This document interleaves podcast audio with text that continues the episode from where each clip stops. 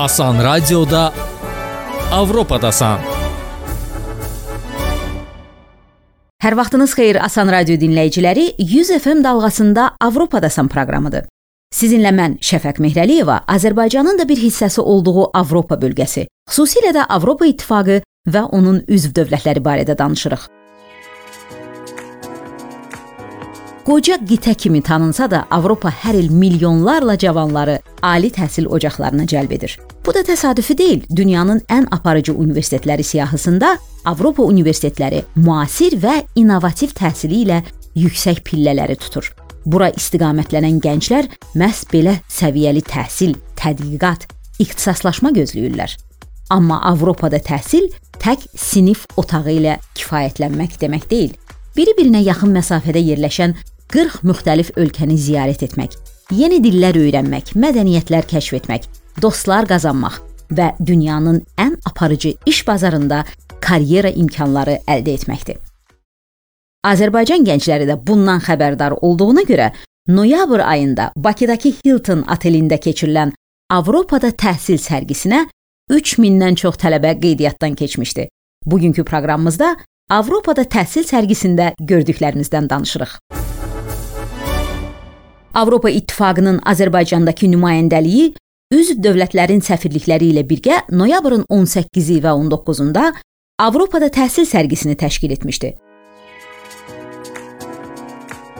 Bakının Hilton mehmanxanasında baş tutan sərginin qapıları maraqlanan tələbə, şagird və onların valideynləri üçün 2 gün ərzində açıq qalaraq iştirakçıları Almaniya, Belçika, Fransa, İspaniya, İtaliya, Latviya, Malta, Polşa və Yunanistandan universitet güşələri ilə tanış edir, nümayəndələri ilə fikir mübadiləsi aparmaq imkanı yaradırdı. Very well prepared event and the number of students is overwhelming. Polşanın Roklo Elm və Texnologiya Universitetinin nümayəndəsi Paulina Trudzik Bakıdakı sərgidə gördüyü fəallıqdan təəccüblənmişdi. Cəmi 3 saatdır ki başlamışıq, deyir o. Artıq bütün broşurlarımızı verib bitirmişik. Burada böyük maraqla qarşılaşdıq. Roklu Universitetinin ixtisasları texnikidir, həmçinin menecment, kimya kimi sahələr də var. Yəni iş bazarındakı gələcək ixtisaslar üçün vacibdirlər. Gənclərinizin bu sahələrə böyük həvəsi var. So the interest is really big. Mən memarlıq kollecində oxuyuram, təhsil alıram və axırıncı kursam. Görürəm ki, həqiqətən də bu ixtisas üzrə çox inkişaf olunub. Dünyanın hər bir ölkəsində demək olar var və mənə görürəm ki, qapılar həqiqətən açıqdır. Sadəcə bunun üçün biraz zəhmət lazımdır getmək üçün. Əslində burada bir çox ölkə var. Latviya var, Polşa var, ə, Belçika var, Fransa və s. Amma ən çox maraqlandığım Polşa oldu. Çünki Polşada daha çox memarlığa aid ixtisaslar var və universitetlər bunun üçün sadəcə dil sertifikatı istəyirlər. Yəni səndən sadəcə tələb etdikləri sertifikatdır. Hər hansı bir dil sertifikatı gətir və səni qəbul eləyim. Və mən də əslində istəyirəm asan yolla da başlamaq yaxşıdır düşünürəm. Polşanın Azərbaycandakı səfiri Rafal Paborski də yerli gənclərin Polşaya marağından məmnun idi. Uh, hello, Avropadasan. Dzień dobry, Avropadasan. O bildirdi ki, ölkəsi Avropada təhsil sərgisində ən geniş nümayəndə heyəti ilə 5 universitetlə təmsil olunub. Buradakı ab-hava çox pozitivdir. Könüllülər və Avropa universitetlərinin məzunları əyinlərində Happy Student, xoşbəxt tələbə yazılan köynəklərlə gəzirlər. Bu rəmzi geyim əslində onu xatırladır ki, yeni imkanlardan yararlanmaq insanları xoşbəxt edir.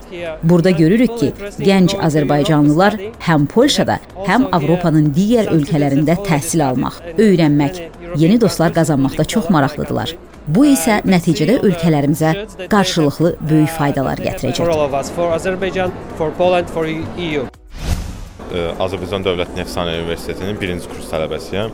Hal-hazırda informasiya təhlükəsizliyi tədris ingilis dilində üzrə təhsil alıram. Avropada daha çox iş imkanı, təhsil imkanı, oranı bitirdikdən sonra daha çox iş imkanları olduğunu düşünürəm. Hal-hazırda Polşa ilə maraqlandıq, Erasmusla maraqlandıq və DAAD scholarship ilə maraqlandıq.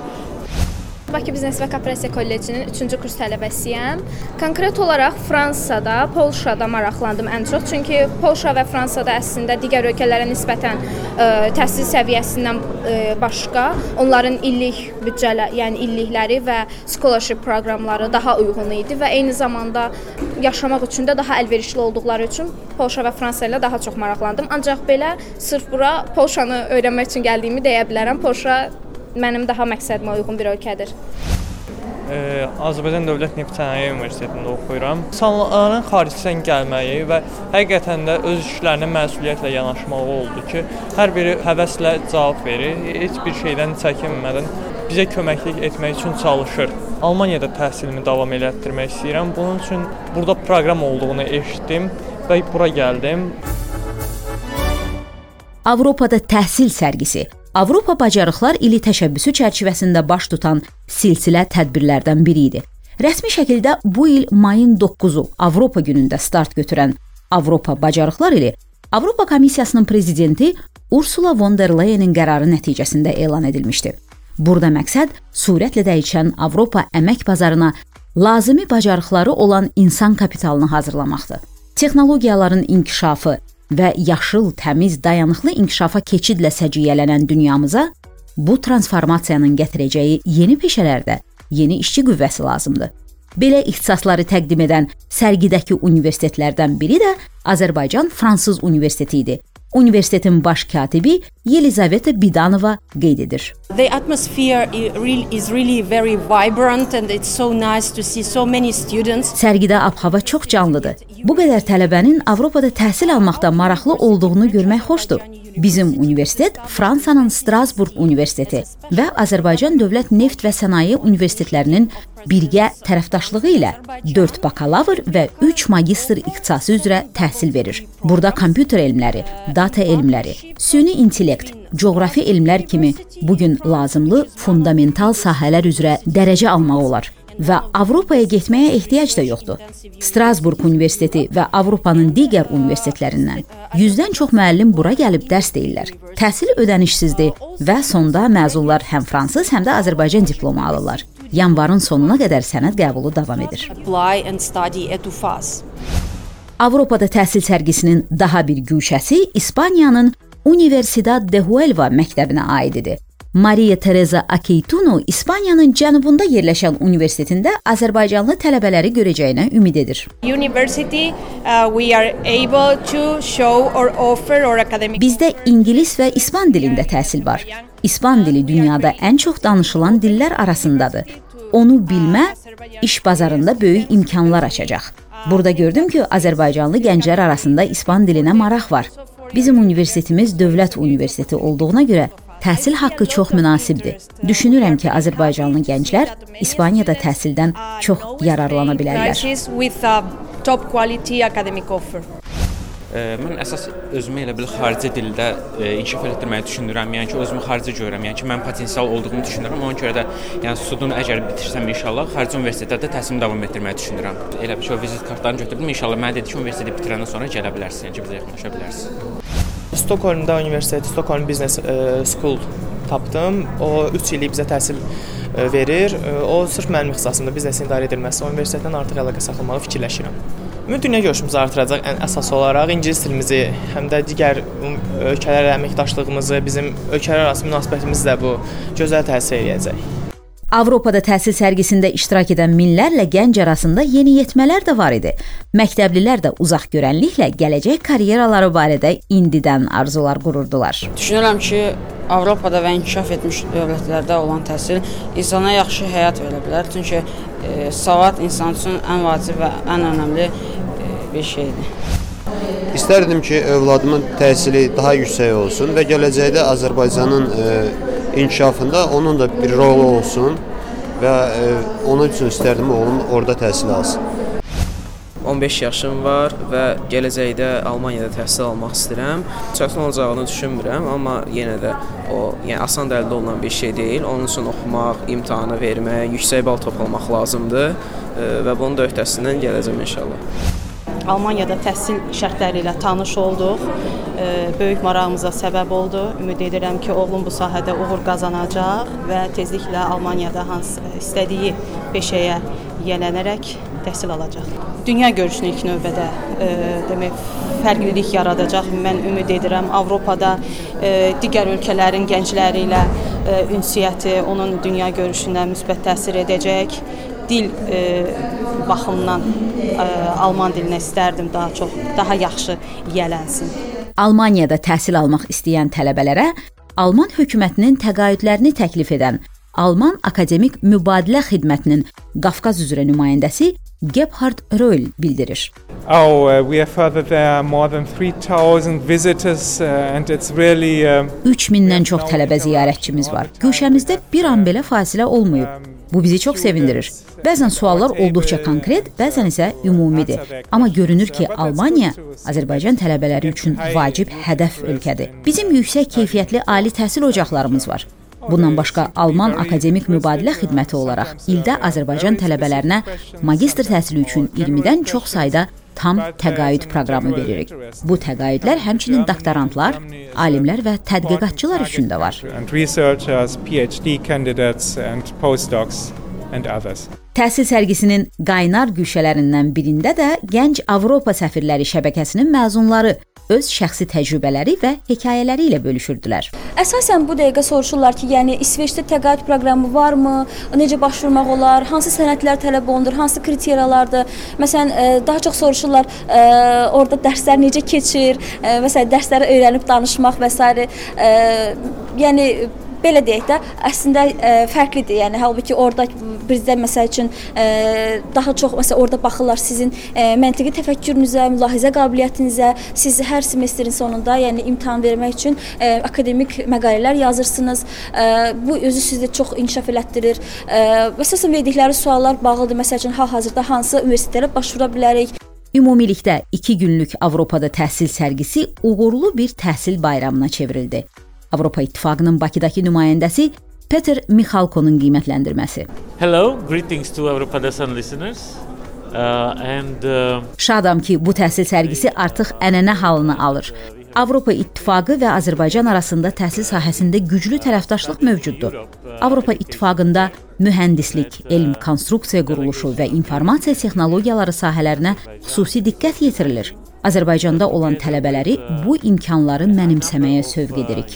Bu günə qədər Avropa İttifaqının maliyyələşdirdiyi Erasmus üstəgəl proqramından 2000-dən çox azərbaycanlı tələbə yararlanaraq Avropa universitetlərində mübadilə təhsil alıb.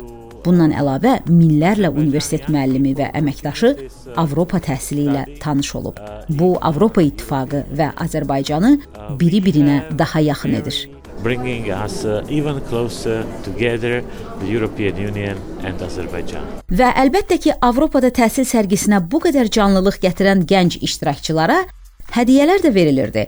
Avropa universitetlərinin kiçik suvenirləri, məlumat kitabçaları ilə yanaşı unudulmaz hədiyyələrdən biri də Avroviziya mahnı müsabiqəsinin finalçıları Nadir Rüstəmli, Samirə Əfəndi və Tural Turanın ifasında konsert oldu. Avropada təhsil almaq arzunuzu gerçəkləşdirməyin əsl vaxtıdır. Siz də dünyanın ən aparıcı universitetlərinə ev sahibliyi edən coğrafiya ilə maraqlanın və gələcəyə yönəlik ixtisaslarla bağlı bilik və bacarığınızı artırın. Bunu etməyin ən asan yollarından biri isə Asan Radioda Avropa Dazan proqramını dinləməkdir. Burada Avropa ilə Azərbaycanın yolları həmişə kəsişir. Növbəti görüşümüzədək.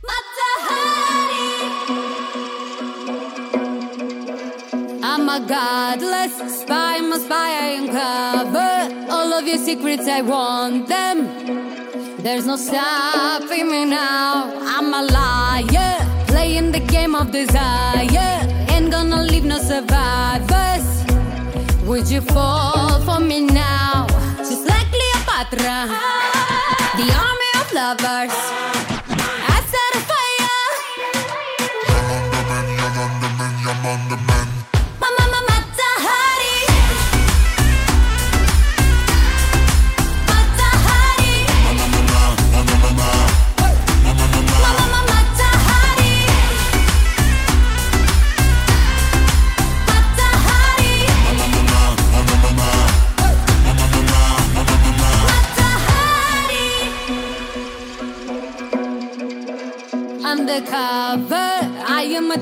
A dangerous lover, drinking my poisonous water. And you're under my spell, mesmerizing. Moving my hips, you are trying. You can resist, try to fight it. Got a story to tell, just like Cleopatra. The army of lovers.